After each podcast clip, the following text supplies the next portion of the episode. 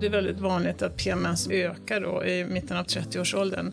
Och just under den tiden då är det väldigt många kvinnor som är mitt i karriären, plus att de har barn hemma och, och familj och ska ta hand om allt och alla, men glömmer helt bort sig själva.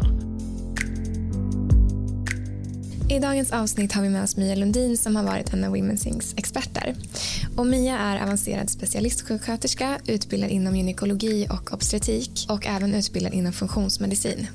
Och Mia är en ledande röst i att utveckla kvinnohälsa. Hon har under sina 39 år i branschen hjälpt tusentals kvinnor till bättre hälsa och varit framstående i att utveckla vård för kvinnor genom grundandet av Hercare som är en kvinnoklinik. Mm.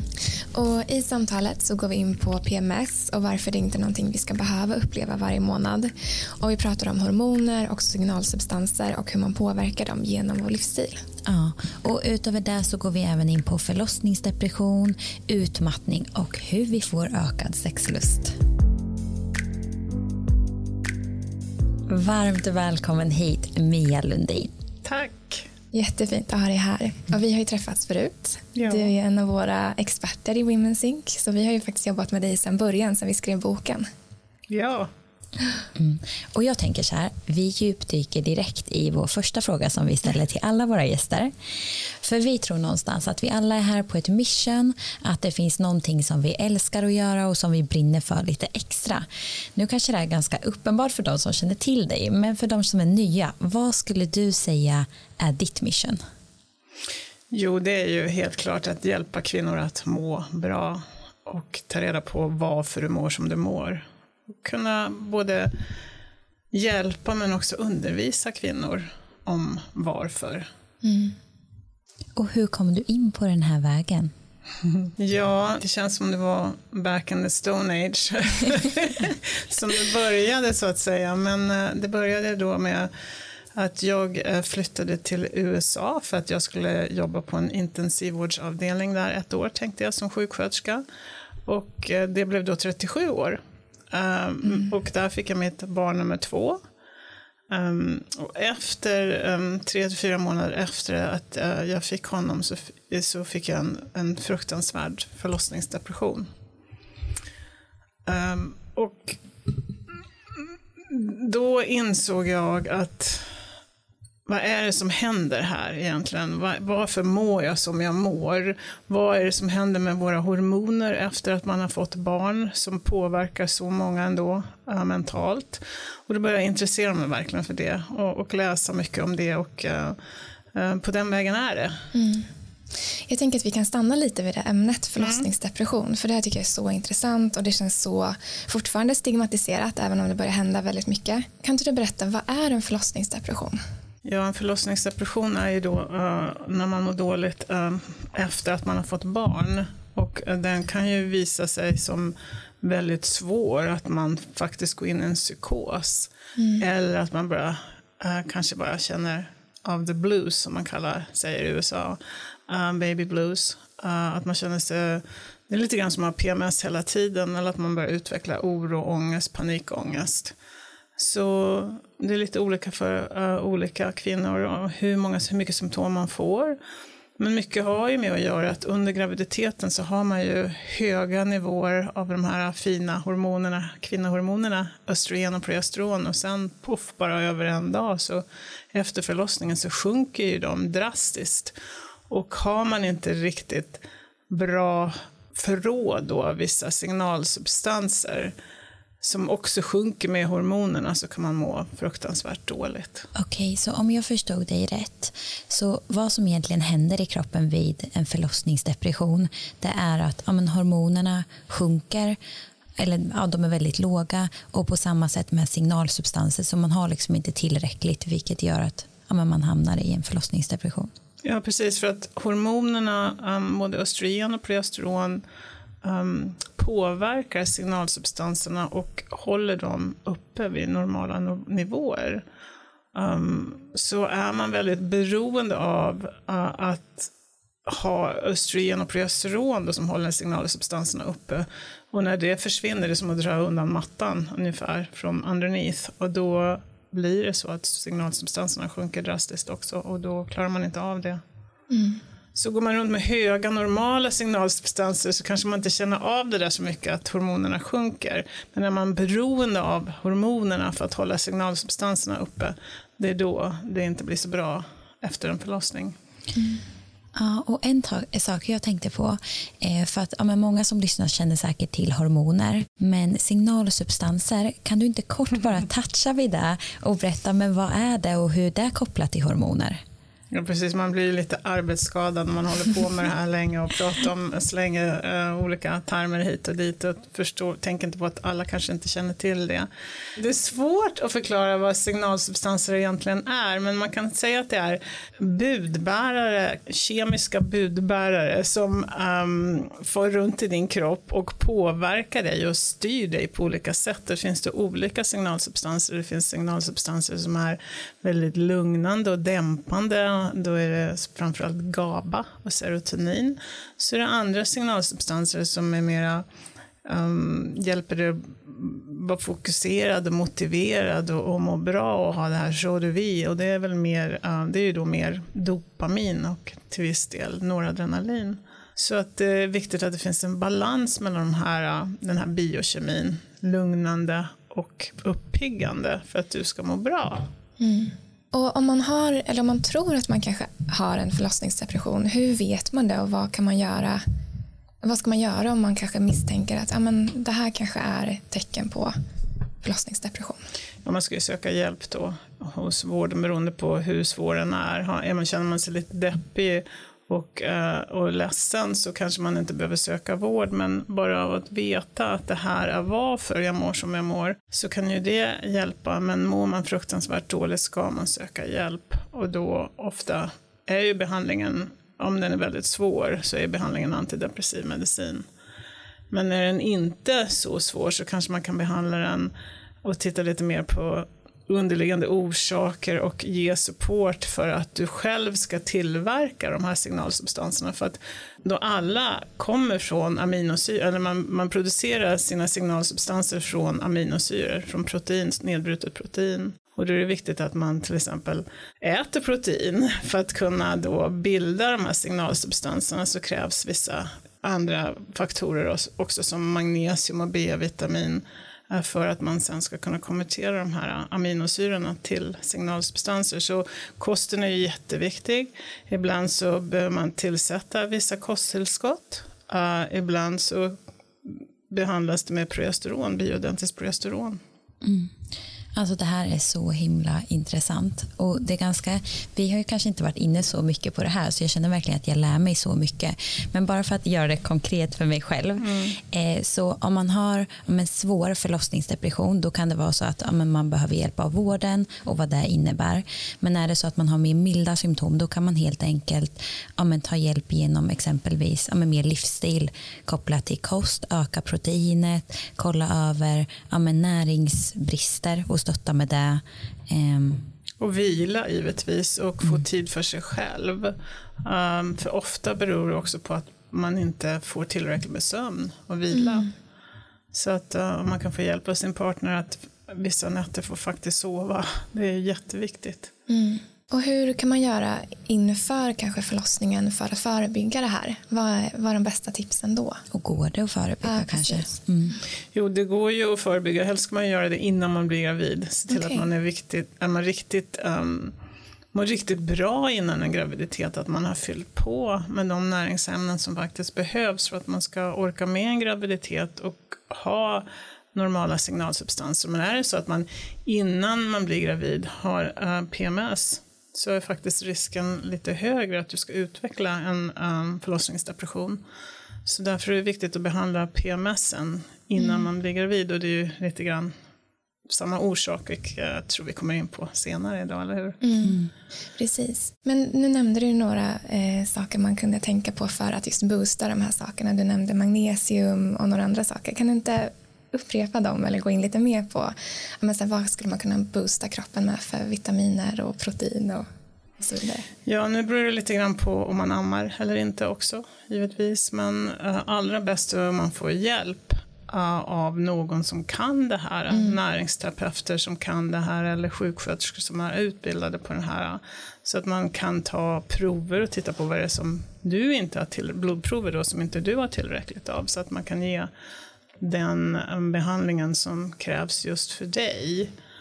Um, och det är väl allra bäst istället för att fumla i mörkret själv. Mm.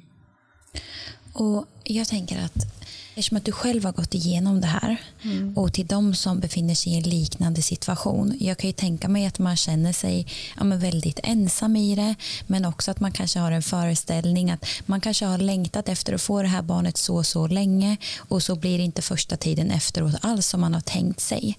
Vad har du för tips till de som befinner sig i den situationen? Att, ja, men hur tar man sig igenom den liksom rent emotionellt?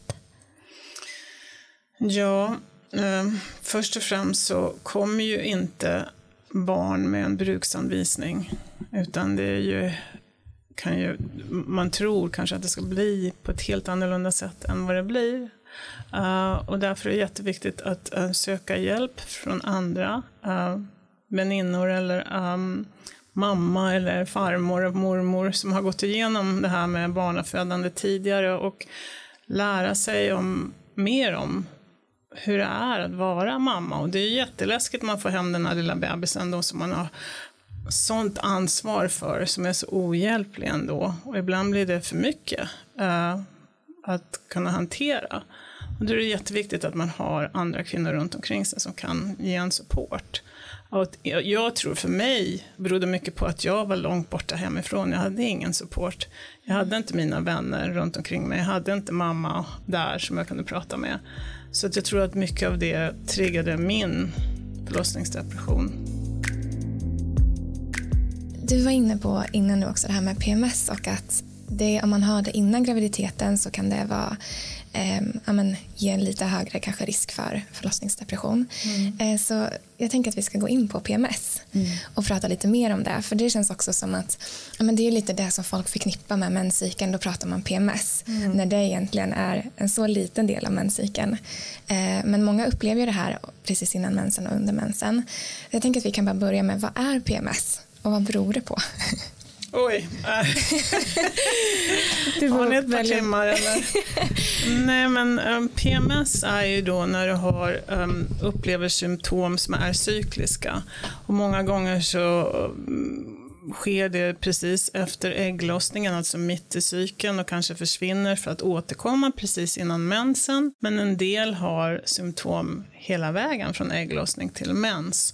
Men vad som är klassiskt med PMS då, det är att när mensen eh, kommer så försvinner symptomen. Alltså de, symptomen försvinner, men sen kanske man inte mår så bra över hur man har betett sig under den här PMS-tiden och eh, mår dåligt för det. Men själva symptomen försvinner. Och graden av symptom kan ju verkligen variera också. Symptomen kan ju vara både fysiska och emotionella. Typiska fysiska symptom då är huvudvärk, migrän, um, brösten kanske blir lite ömma, att man samlar på sig vätska. Inte så vanligt med mensvärk eh, innan mensen, den kommer mer under mensen. Men de uh, mera emotionella symptomen är kort stubin, arg, irriterad eller låg och deprimerad. Panikångest, oro. Mm. Uh, så vad är orsaken då till PMS? Jo, det är ju så här våran menscykel är normal när vi mår bra. Då flödar hormonerna i den här fina symfonin varje månad, så som, precis som det ska, för att förbereda oss för en graviditet, eventuellt graviditet. Och det där gör vi ungefär 450 gånger under livet. Men när saker och ting inte är riktigt som det ska, att kroppen känner av att det är lite för stressigt här, krig, nöd, svält, typ känslan, då blir inte hormonerna producerade precis exakt så som de borde göra. Ehm, så det är en anledning till att man kanske inte, man efter ägglossningen, där ändå ägget kommer från den här lilla blåsan eh, och ska sen då bli en gulkropp, ehm, där, blåsan, där blåsan, där ägget kommer från formar en gulkropp som sen producerar progesteron. Så efter ägglossningen så ska vi producera tillräckligt med progesteron. Och gör man inte det, då kan man må dåligt mellan ägglossning och mens. För progesteronet är väldigt lugnande. Och det påverkar de här signalsubstanserna som vi tidigare pratade om, GABA och serotonin. Så har du inte tillräckligt med progesteron då kanske, och du inte har tillräckligt med GABA och serotonin i kroppen och är väldigt beroende av ett normalt progesteron, då kan man må dåligt under den tiden. Sen har det också att göra givetvis med de där signalsubstanserna igen. Så har du höga nivåer eller normala nivåer av GABA och serotonin bland annat, då känner du inte av de här hormonerna som svänger upp och ner. Men har du inte tillräckligt, då, eh, då, då åker man lite grann berg och dalbana på hormonerna. Precis efter ägglossningen, då sjunker östrogenet, det var riktigt högt och så sjunker det. Ja, då åker man ner med östrogenet för att man inte har tillräckligt med serotonin eller GABA. Mm. Och det som vi har lärt oss under våra år i Women's Sync och vi har lärt oss jättemycket från dig det är ju verkligen det här kopplat till PMS att det är ingenting normalt som alltså bara för att det är vanligt betyder det inte normalt och någonting vi ska behöva leva med. Och om det är så att man lyssnar nu och man känner så här men jag upplever mycket PMS jaha jag ska inte behöva känna det här. Alltså i vilken ände kan man börja för att kunna förebygga och minska sin PMS? Mm, precis, det, det, ingen ska behöva ha PMS egentligen. Mm. Det är inte ett normalt tillstånd. Um, så det allra viktigaste är ju att tänka då på tillbaks till de där signalsubstanserna. Vi brukar prata om det uh, på Hörcare, om att vi har en serotonintank. Och den där fyller vi på och där åker det ut hela tiden. Men när vi är stressade och inte tar hand om oss själva då åker det ut fortare. Vi använder upp de här signalsubstanserna fortare. Och då när man ligger och, liksom och skrapar på botten och försöker hitta de där sista dropparna av serotonin, då mår man inte så bra. Så en sak man kan börja med för att minska på PMS-symptomen, det är just att ta tid för dig själv.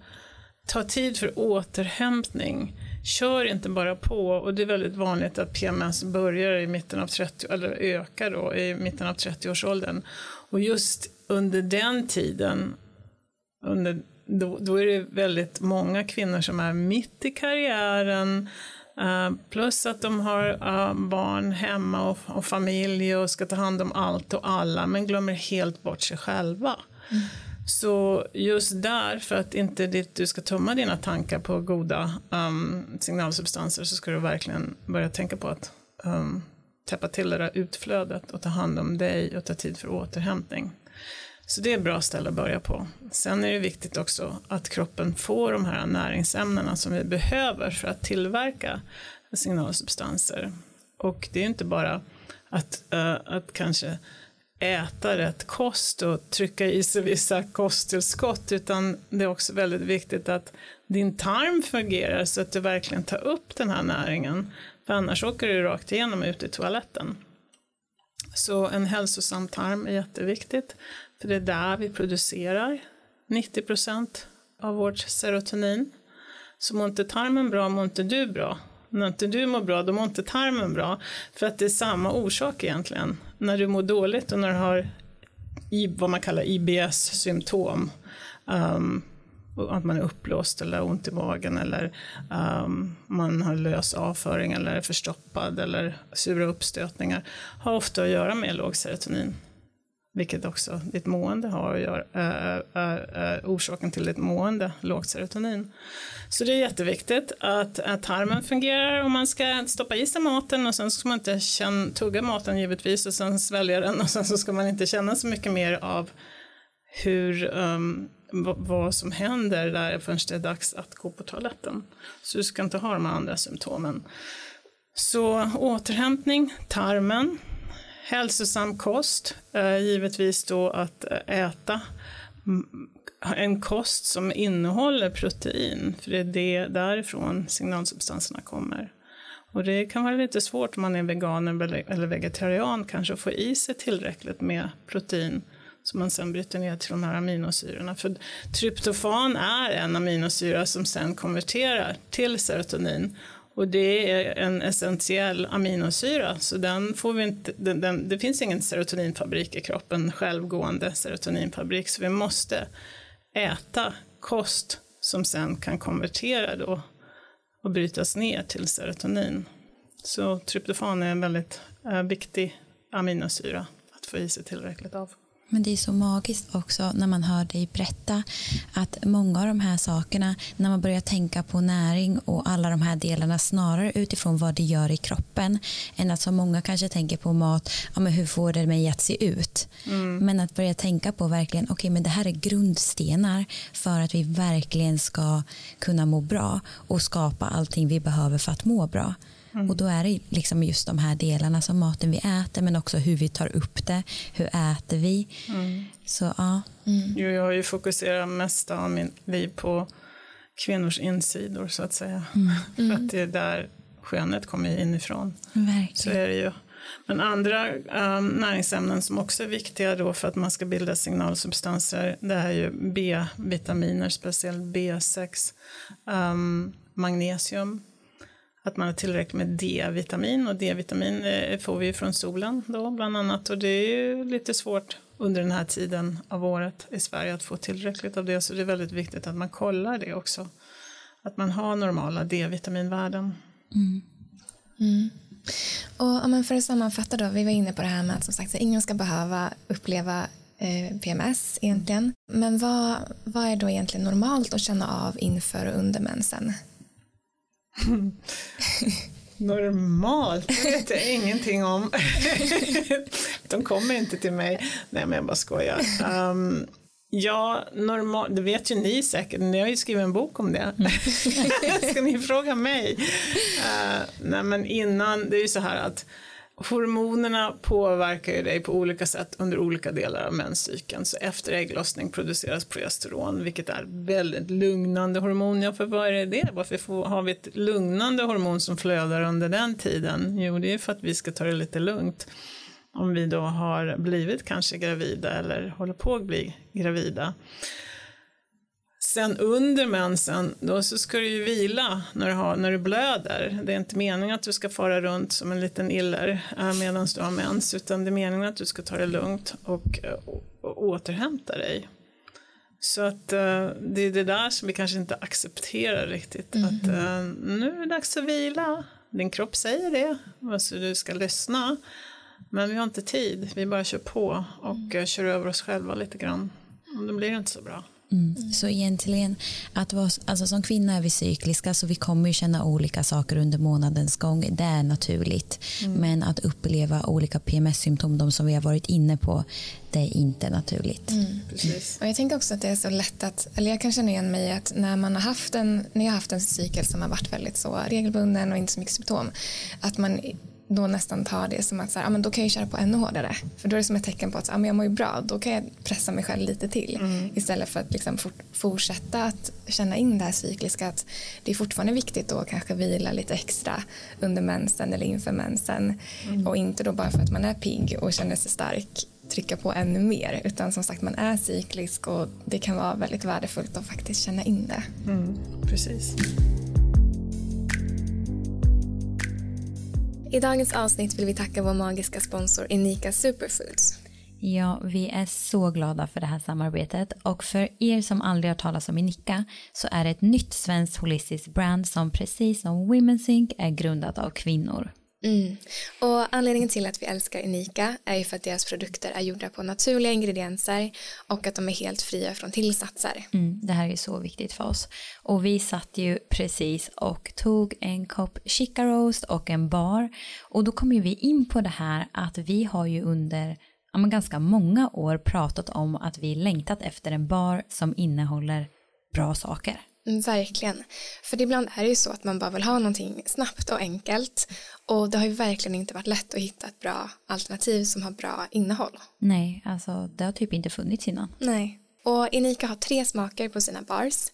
Så om du älskar kokos och choklad så kommer du älska deras Coconut Chocolate Bar som bland annat innehåller kokos, kakao, MCT-olja och cikoria. Mm, alltså den är underbar. Mm. Och deras almond chocolate bar är också helt otrolig om det är så att du älskar choklad. Och när det kommer till smaker, jag går alltid till choklad. Jag skulle säga att den här är perfekt för mig när jag kan få ett sötsug i fas 3. Mm, oslagbar. och den tredje smaken är blueberry cashew. Och jag brukar egentligen inte vara så jättemycket för bär och frukt i bars. Men den här är verkligen supergod. Och det är underbart att få i sig lite extra antioxidanter i kombination med cashewnötter. Mm. Och jag skulle säga att den här smaken är ju den typiska fas 2-baren när man inte är lika sugen på sött eller något chokladigt som man kanske är i början av fas 1 eller i fas 3. Mm, verkligen sant. Och utöver bars så har de också flera andra produkter så kolla in deras sortiment på deras Instagram eller hemsida och uppge koden WomenSync20 med stora bokstäver så får du 20% på ett helt köp. Mm. Tack Inika Superfoods för ett underbart samarbete. Tack. Det är nytt år och vi är så glada att vi fortfarande har med oss WearLab som en av våra sponsorer. Och det som verkligen känns så fint för vår del är ju att WearLab står ju verkligen för det vi också gör i Women's Inc. Mm. Och nu har vi hunnit göra flera tester under åren som har gett oss vägledning när det kommer till att kunna utveckla vår hälsa. Ja, och eh, som ni vet vid det här laget så har ju jag gjort WeLabs hälsokontroll i flera år och jag gjorde det långt innan det att de blev vår sponsor. Och med tanke på att jag har en bakgrund där jag haft obalanserade hormoner så har det varit väldigt viktigt för mig att ta prover för att svart på vitt kunna se status på hormoner, sköldkörtel, blodsocker, inflammation och eventuella näringsbrister. Mm. Och man får ju verkligen grundläggande koll på sin hälsa genom Wearlabs. Mm. Och det som har varit så bra är att utifrån mina provsvar så har jag verkligen kunnat ta action på flera saker i min livsstil som jag annars inte hade fångat upp. Exempelvis har jag förändrat vilken typ av mat jag äter, vilka tillskott jag tar, men också hur mycket av dem som jag faktiskt tar. Mm, exakt.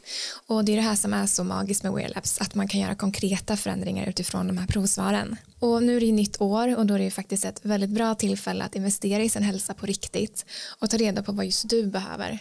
Mm. Och det test både du och jag har kört Sara eh, är ju WeLabs hälsokontroll XL plus och anledningen till att vi har valt det är att det ger en grundläggande genomgång av din hälsa inom åtta olika områden. Så det är allt ifrån sköldkörtel, diabetes, vitaminer och mineraler, lever och sen får man svar på 43 olika hälsomarkörer. Mm.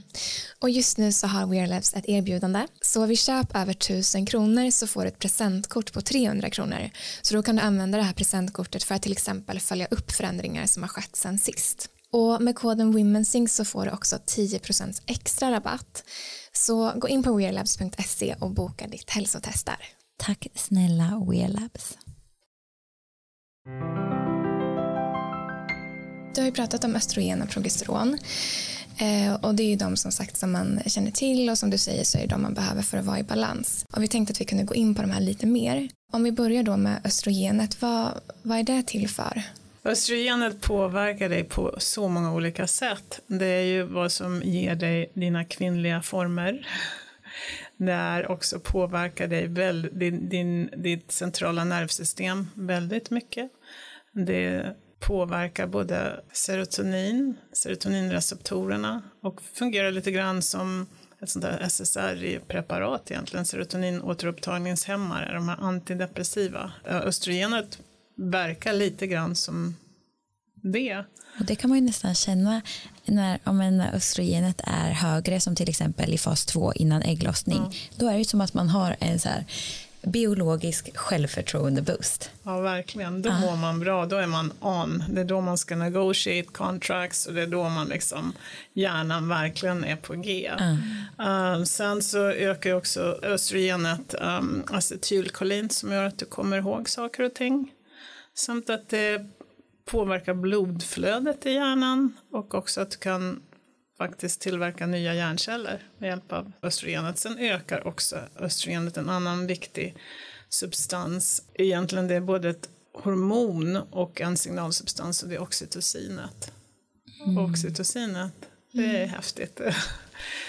Det är det som får oss att må riktigt bra och känna oss tillfreds.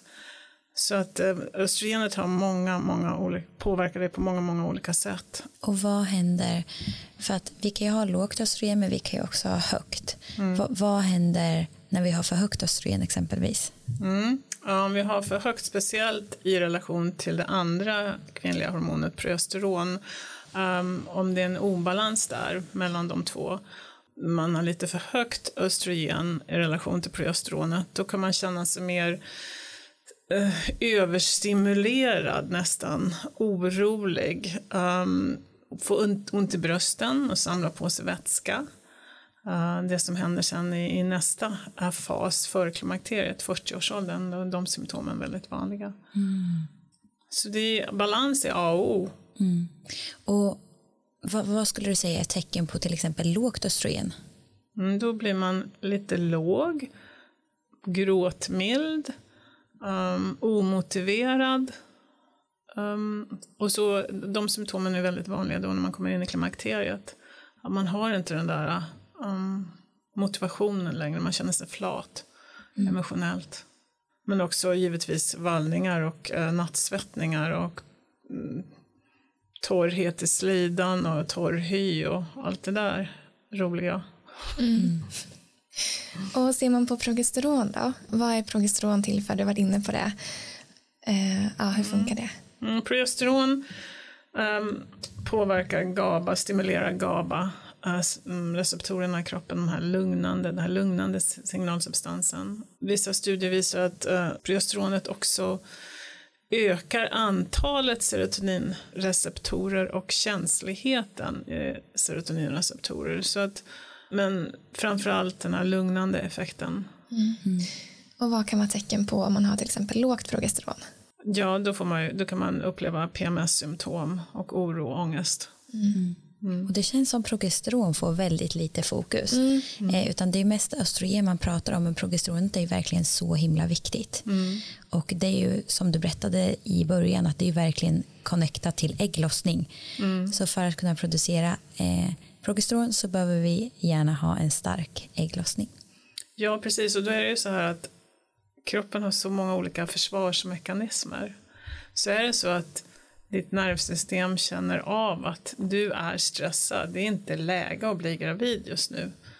Då eh, får man de inte, inte de riktigt rätta signalerna från hypofysen då, som sitter i hjärnan, som styr Eh, ditt hormonell, dina hormon, många av dina hormonella system, då får man inte riktigt samma riktiga signaler därifrån för att eh, få en ägglossning och därför då också dålig produktion av progesteron.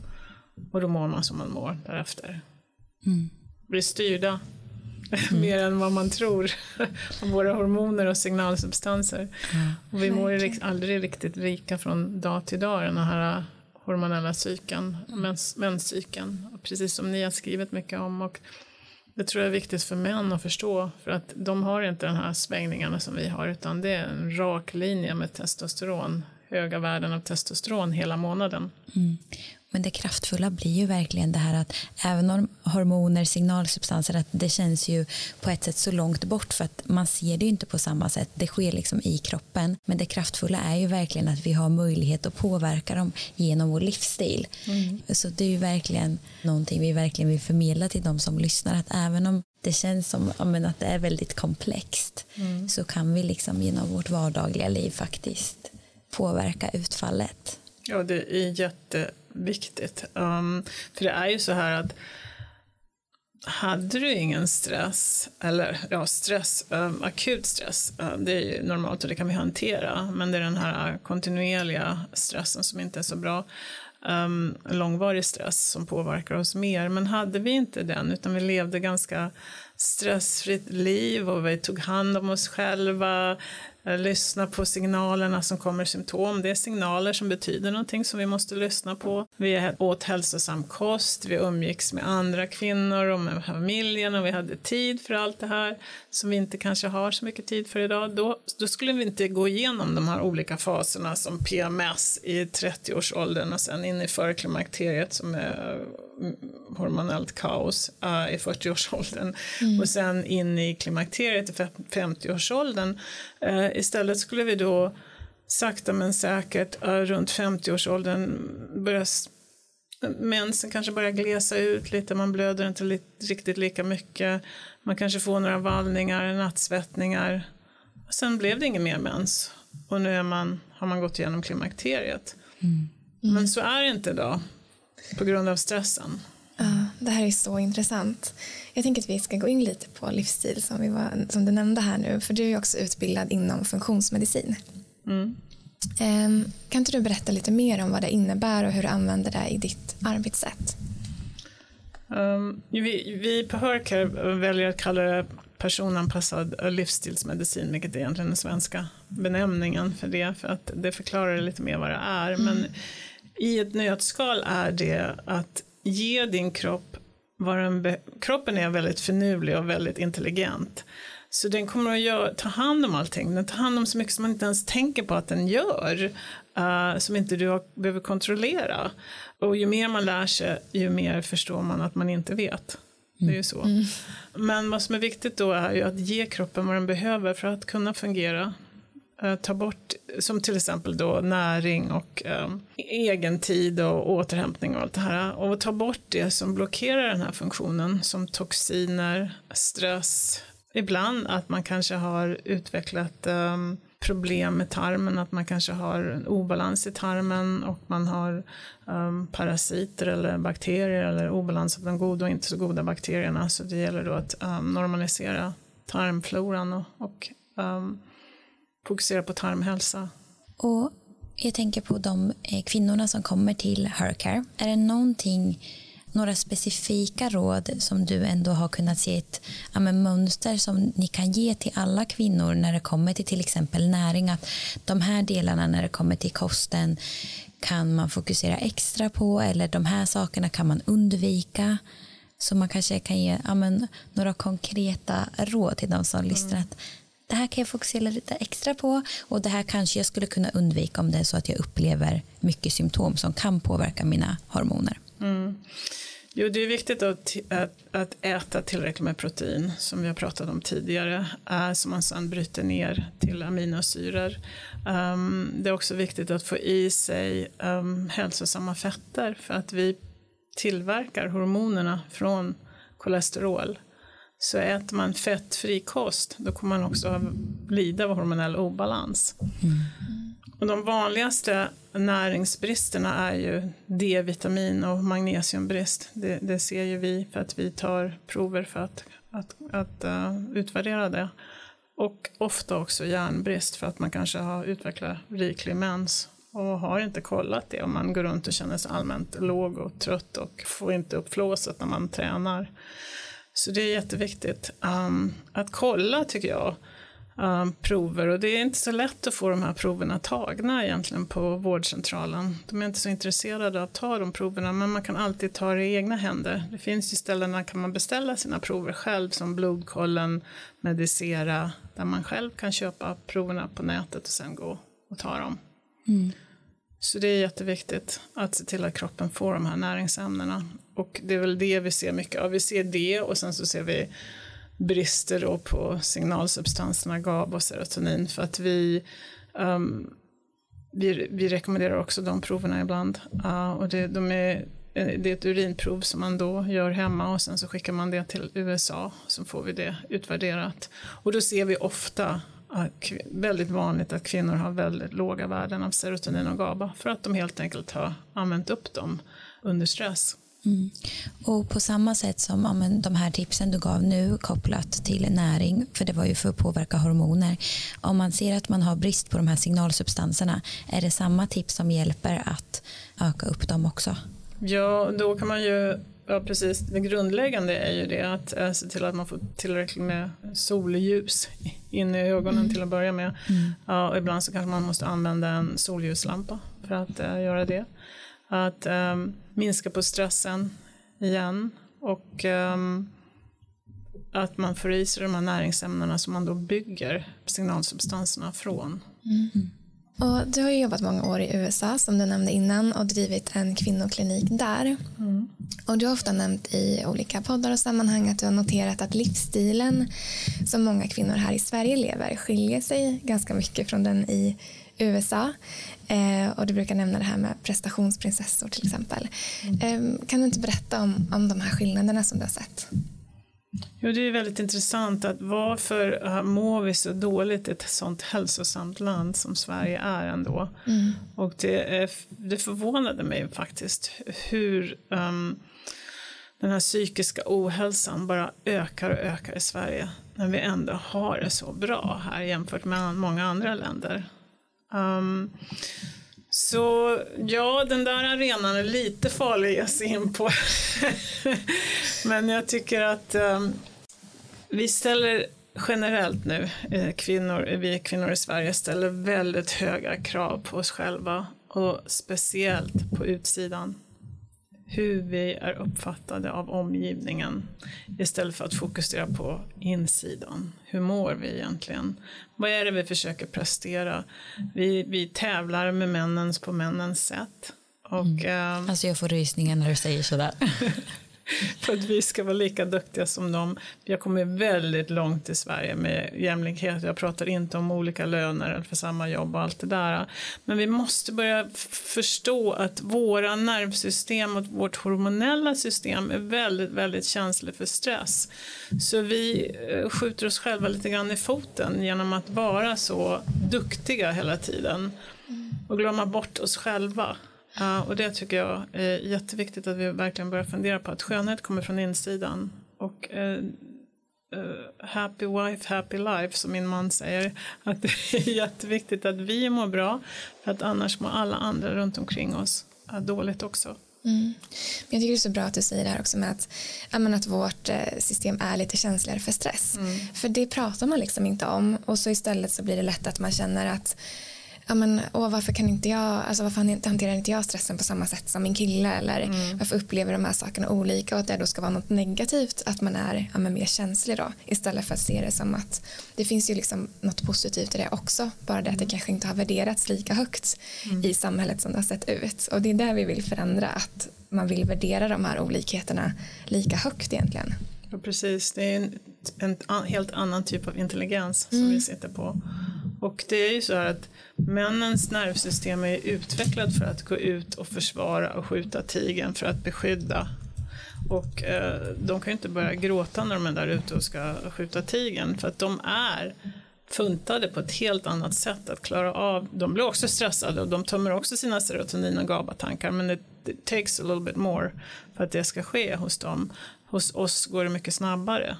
Vi reagerar på många olika saker på helt olika sätt bara en sån sak som vinkonsumtion. Vin påverkar oss mycket mer än alkohol påverkar oss mer negativt än, än um, männen. Um, för att det är så mycket som är så olika att uh, vi måste börja förstå det och leva efter att följa våra hormonella um, system och nervsystem för att klara av vardagen. Mm. Ja, men det är precis det vi ja, men verkligen brinner för alla tre här ju att just mm. ja, men hur kan man leva en livsstil som är liksom anpassad utifrån det cykliska mm. eh, och göra det till det normala precis som den manliga mm. eh, livsstilen är. Liksom. Mm. Mm. Och det är inget fel, det är, vi är inte sämre eller precis. svagare eller värdelösa på grund av det. Det är precis tvärtom. Vi måste värdera det istället, mm. vår intelligens. Ja, men på tal om det här med eh, att man ställer väldigt höga krav på sig själva så ser vi också att utmattning och utbrändhet har ökat väldigt mycket. Mm. Vad händer med våra hormoner när vi är utmattade? Är det liknande som vid liksom, en depression eller vad händer egentligen? Ja, vad som händer, det här är en annan sån här försvarsmekanism som kickar in då för att eh, okej, okay, du lyssnar ju inte nu på de här symptomen som faktiskt eh, har skrikit högt och klart att eh, du måste tagga ner lite. Så då om du fortsätter så, då, då ska ju kroppen se till att du inte mm, får en hjärtinfarkt för att du, nu kör på. Um, så då, vad som händer då är ju under långvarig stress så sjunker de här nivåerna av serotonin och GABA för att du använder det för att kunna hantera stressen. Och när det då sjunker till en viss nivå så, är, så händer det någonting med det här hela feedbacksystemet som styrs då av hjärnan, hypotalamus till hypofysen till binjurarna. Det är, det är hjärnan som säger åt binjurarna, nu är det stress, nu får ni producera lite kortisol, vilket är stresshormonet. Men när man har då utsatt sig själv för långvarig stress och inte fyllt på tankarna och tagit tid för återhämtning och gett kroppen vad den behöver för att klara av stressen, då säger kroppen ifrån och så drar den mer eller mindre ut kontakten till binjurarna. Så det är inte binjurarna som är utmattade utan binjurarna får inte signalen från hjärnan längre för att beskydda dig. Um, för att du ska bli trött och gå och lägga dig och sova. Mm. Och då, det där vill man inte riktigt lyssna på, för det där har jag, jag har inte tid med att vara sådär trött. Så då um, vill man gärna få ett litet piller som då ska göra att man blir piggare nästa dag, men det fungerar inte riktigt så, utan man måste titta på vad var det som hände här och uh, hur kan jag göra, uh, leva mitt liv lite annorlunda. Och då gäller det att pussla ihop den här människan, både med hjälp av stöd och support och eh, förklaring till vad det är som har hänt men också ge hennes kropp vad den behöver för att återhämta sig. Eh, och många gånger handlar det då om att fylla på serotonin och GABA-tanken för att hitta det här lugnet igen. Så att man vill få en gaspedal men vi egentligen rekommenderar bromspedalen istället. Hitta hem är fel uttryck egentligen för hem, där du kommer ifrån var det fungerade ju inte så bra. Så att det är att hitta till ett nytt ställe, en ny livsstil som fungerar för dig. Mm. Och om det är så att man är utmattad oavsett om man liksom har fått det diagnostiserat, man kan ju också bara känna sig väldigt, väldigt trött. Mm. Eh, och det är många i vårt community som vi verkligen ja, märker det på. Men hur kan man till exempel tänka kring ja, men, träning, eh, och mat när man är utmattad. Mm. Du kanske ska berätta också andra vanliga symptom än att känna sig bara trött när man har då hamnat i utmattningsdepression, som man kan kalla det, mm, från låg kortisol. Det är ju också att man har hjärndimma, man kan inte fokusera, koncentrera sig, det, man kan ha dimsyn, alltså man ser, det känns som glasögonen är inte tillräckligt starka eller att man kanske måste skaffa sig glasögon. Man blir lättare sjuk, man får lättare influensa, typ symptom, känslor. Um, ehm, blodsockret svänger väldigt uh, mycket och det är väldigt viktigt att äta en kost där man uh, får i sig tillräckligt med protein.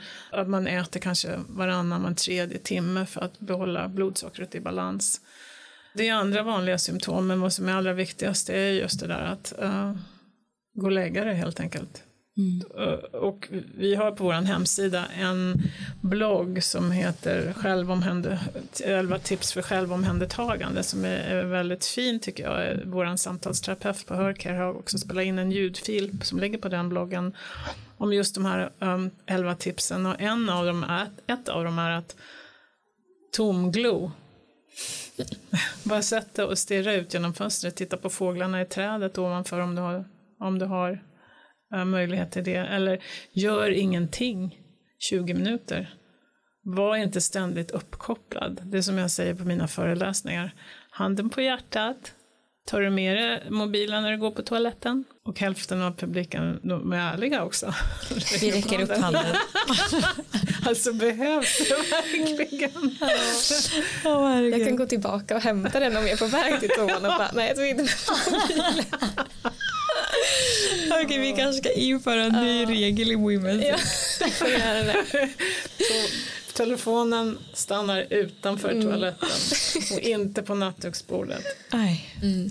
Någonting som också styrs mycket av våra hormoner är ju våran sexlust. Mm. Eh, vad, eh, men vad kan man göra för att få ökad sexlust?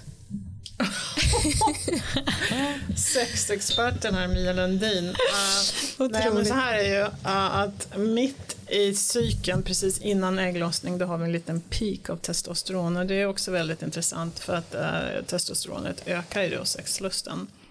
Um, och det är intressant för att annars kanske vi um, glömmer bort att det är därför vi har den här menscykeln från månad till månad för att um, förhoppningsvis bli gravida. Inte kanske att vi vill det själva, men um, det är ju meningen med den här menscykeln. Och då har ju Mother Nature sett till att du ska bli sugen på sex då precis innan ägglossning. Så är det så här att vad kan man göra för att få ökad sexlust? Jo, det är just allt det här andra vi har pratat om. För att sex ligger inte som nummer ett på vår lilla lista som vi kör varenda dag, som vi styr och ställer med, utan den ligger, ligger längst ner. Så det är så här att kvinnor vill ha sex när vi mår bra. Men generellt sagt, män vill ha sex för att må bra. Och det där synkar inte riktigt äh, i förhållanden då. Så för män är det väldigt viktigt att förstå att äh, vi vill ha sex när vi mår bra, när vi inte känner oss stressade. För att vi, man kan inte vara, man behöver vara i den här oxytocinvärlden för att känna den här sexlusten och, och um, må bra. Men man kan inte vara i oxytocinvärlden om man är i fly eller fäkta samtidigt. Det går inte. Det, det, det, den, den fungerar inte då. Så att um, det är det allra viktigaste. Nu ska vi snart börja med um, sex och samlevnadsrådgivning på Hörcare. Vi håller på att utveckla ett nytt um, program för det och det är två av våra sjuksköterskor som har vidareutbildning i det och det ska bli jättespännande för att nästan alla som kommer till oss säger ju i frågeformuläret och svarar ju har du låg sexlust? Ja. Mm. En sak, vi lyfter den här frågan med vår community mm. eh, och någonting som många eh, upplevde var att förutom att ha hög sexlust vid innan ägglossning så var det även många som upplevde hög sexlust i början på mensen. Vad händer i kroppen då? Hur kommer det sig att man kan känna så? I början på mensen? Ja. Mm, eller under mensen generellt. Ja. Tror jag. Är det att liksom östrogenet börjar öka? Nej, det är då det är som lägst. Ja, men jag, tänker lite, ja. jag vet inte riktigt, det kan inte jag svara på. Det, jag är förvånad över att de har svarat så. Ja. Det kanske är för att man inte, risken för att bli gravid inte är, finns där längre. Kan vara det. Mm. Så nu är det fritt fram. Mm. Mm. Men um, jag vet inte. Nej. Intressant. Ja, ja, det är intressant faktiskt. Nu har vi kommit till våra avslutande frågor. Och, eh, men vår första fråga är om du har ett livsmedel eller någon typ av mat som du inte skulle vilja vara utan. Protein, helt klart. Mm. Har du någon favorit typ proteinkälla som du föredrar? Ja, men alla, um, man ska äta det som känns bra i kroppen och det beror, beror lite grann på um, vilken blodgrupp man är. Nu finns det inte jättemycket forskning på det men, uh, och evidens på det, men jag har ganska lång erfarenhet av det, att se att olika människor beroende på blodgrupp vill ha olika typer av proteiner. Jag är eh, AB och jag, och jag tycker bäst om fisk och kyckling och mera mediterranean diet. Det mm. känns bäst i min kropp. Uh, Medan kanske andra som min man, han är blodgrupp 0, han vill ha sin hamburgare två gånger i veckan, annars mår inte han bra. Mm. De som är blodgrupp 0, de vill verkligen ha animaliskt protein. Uh, de nästan måste få det för att må bra. Det är väldigt svårt för dem att vara vegetarianer eller veganer. Så intressant. Mm. Och till nästa fråga. Om du fick tipsa om en bok förutom dina fantastiska böcker, vilken bok skulle det vara? Women Sink. Bästa. jo, men jag tycker det faktiskt. Den är, vi vi um, marknadsför den åt er för att jag tycker att den är så viktig för att uh, det är viktigt för yngre kvinnor att verkligen få lära sig leva efter sin menscykel och förstå varför vi mår så olika under olika tider av menscykeln och vad, den, vad det är, vad det betyder. Mm, jag blir helt rörd. Tack snälla du. eh, och vad är din bästa go-to för återhämtning som vi har pratat om som är så viktigt? Ja, det är att uh, bara vila helt enkelt. Att inte ställa krav på mig själv. Att jag kan ligga i sängen um, halva dagen om jag vill och bara liksom, ta det lugnt. Uh, och ibland krävs det för att jag ska återhämta mig. För att jag kör ju på eh, väldigt mycket i perioder och då säger min kropp att nu är det dags, nu är det bara, nu ska du bara vila, lägga i sängen. Och det gör jag då kanske lördagen och sen tar det lite lugnt på söndagen. Och det funkar för mig, men för andra är det att komma ut i naturen, vilket jag också tycker är härligt, men att komma ut i naturen eller bara gå på en lugn promenad eller lyssna på musik. Eller, alla har vi olika sätt att återhämta oss på. Verkligen. Och om du fick ge ett råd till ditt 20-åriga jag, vad skulle det vara? Mitt 20-åriga jag. Wow, vilken bra fråga. Uh, jag var inte alls förberedd på den, men uh, vad skulle det vara? Jo, det skulle nog vara att jag visste vad jag vet idag om uh, hormoner och signalsubstanser för att kunna um, styra mitt liv lite mer efter det. Mm. Det vore det nog. Jättefint. Tusen tack Mia för att vi fått ha dig här. Det är lika intressant som alltid. Ja. Tack för att jag fick komma. Underbart. Lycka till med allt som ni gör. Detsamma. Vi vill bara passa på att lyfta vår nya produkt Chica Roast.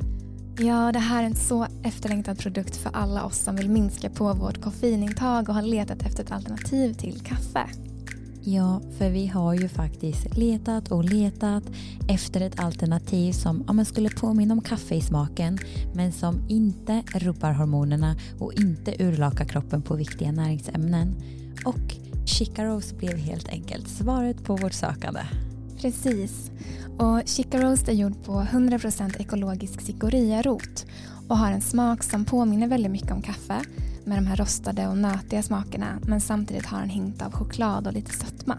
Den är ja, men, så god och vi vet ju hur viktig ja, men, den första koppen kaffe är på morgonen för ja, men, många av er och ja, men, nu har vi äntligen hittat ett alternativ som toppar kaffe. Verkligen. Och det bästa med den här produkten är att den till störst del består av den prebiotiska fibern inulin.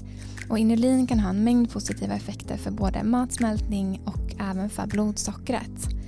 Och dessutom så har den lugnande effekter så man kan dricka det på eftermiddagen och på kvällen utan att det påverkar vår sömn. Vi hoppas att ni är lika taggade som oss på att testa den här produkten och du hittar den på vår hemsida womensync.se.